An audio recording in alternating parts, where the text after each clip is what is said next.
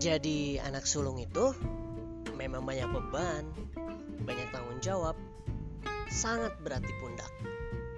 Tapi menjadi anak sulung itu, gue bangga karena gue bisa menaruh harapan dari orang tua gue sampai detik ini. Gue sangat bangga menjadi anak sulung. Bagaimana denganmu?